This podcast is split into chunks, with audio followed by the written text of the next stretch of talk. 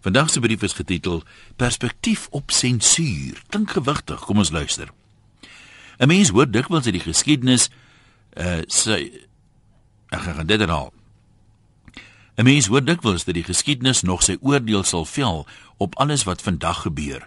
Sommige politieke leiers se nalatenskap kaptaan met verloop van tyd. Andersin word weer meer na waarde geskat. Selfs van politici word soms gesê hy was sy tyd vooruit. Maar wie wil nou oor politici praat? Tyd het beslis 'n manier om nuwe perspektief te bring. Daaraan dink ek weer toe ek 'n liedjie van Sean Phillips oor die radio hoor.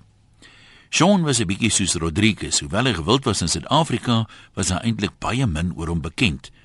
Op die omslag van sy album Second Contribution sit hy byvoorbeeld selfs met sy rug na die kamera en sy lang hare hang byna tot op sy stuitjie. Althans dit was nou op die oorspronklike album hier in die middel 70s. Op daai stadium was sensuur groot in Suid-Afrika. Big Brother was watching. Ek is nie altyd seker wie aan die bo-punt van die sensuur hiërargie was nie. Was dit nou die kerk, die regering of net die broeders nie? Maar hierdie mense wou ons beskerm en die beste manier om dit te doen was om allerlei goed van ons te weerhou. Dalk was hulle bang die goeie opvoeding wat ons gekry het was so goed dat ons dadelik 'n liking in die sonde sou vang as ons dit nou van naderby sou sien of dat ons sede se muur sou smelt by die geringste provokasie.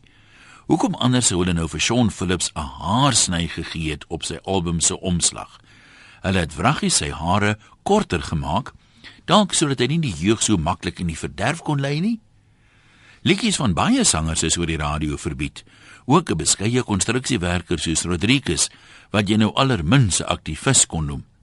En net om seker te maak 'n afvallige omroeper speel dit nie dalk skelm nie, is die betrokke verbode snitte op die kopieë van die plaat in die diskoteek ook met 'n skerp voorwerp gekrap om dit onspeelbaar te maak op die platespeler. Maar die owerhede was nie net bang vir oorseese kunstenaars nie. Tot 'n mate kan 'n mens nog argumenteer, hulle kon dalk deel gewees het van 'n georkestreerde poging deur die rooi gevaar om ons jeug aan te moedig om lang hare te dra of so iets. Maar die liedjies soos Boude van Anton Goosen was ook verbied. Selfs sommige liedjies van huishoudelike name soos Leon Schuster en David Kramer was ongewens. So gepraat van die perspektief wat tyd bring, Anton Goosen is onlangs vereer vir sy bydrae tot Afrikaanse musiek, maar ek weet nie of dit beteken die mense wat by sensuurraad gesit het, dink nou vandag anders oor boude nie. Die vermoede bestaan juis dat die meeste van hulle se denke in so diep groef vasgevall het dat hulle nie anders kan dink oor enige iets nie al wil hulle.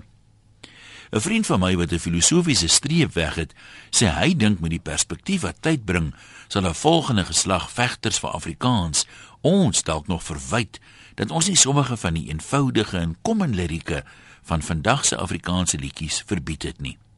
Vandag se kinders verdien mos net soveel beskerming teen die moderne ewels as toe ons jonk was of hoe. So by my cool. Groete van oor tot oor. Anoniem.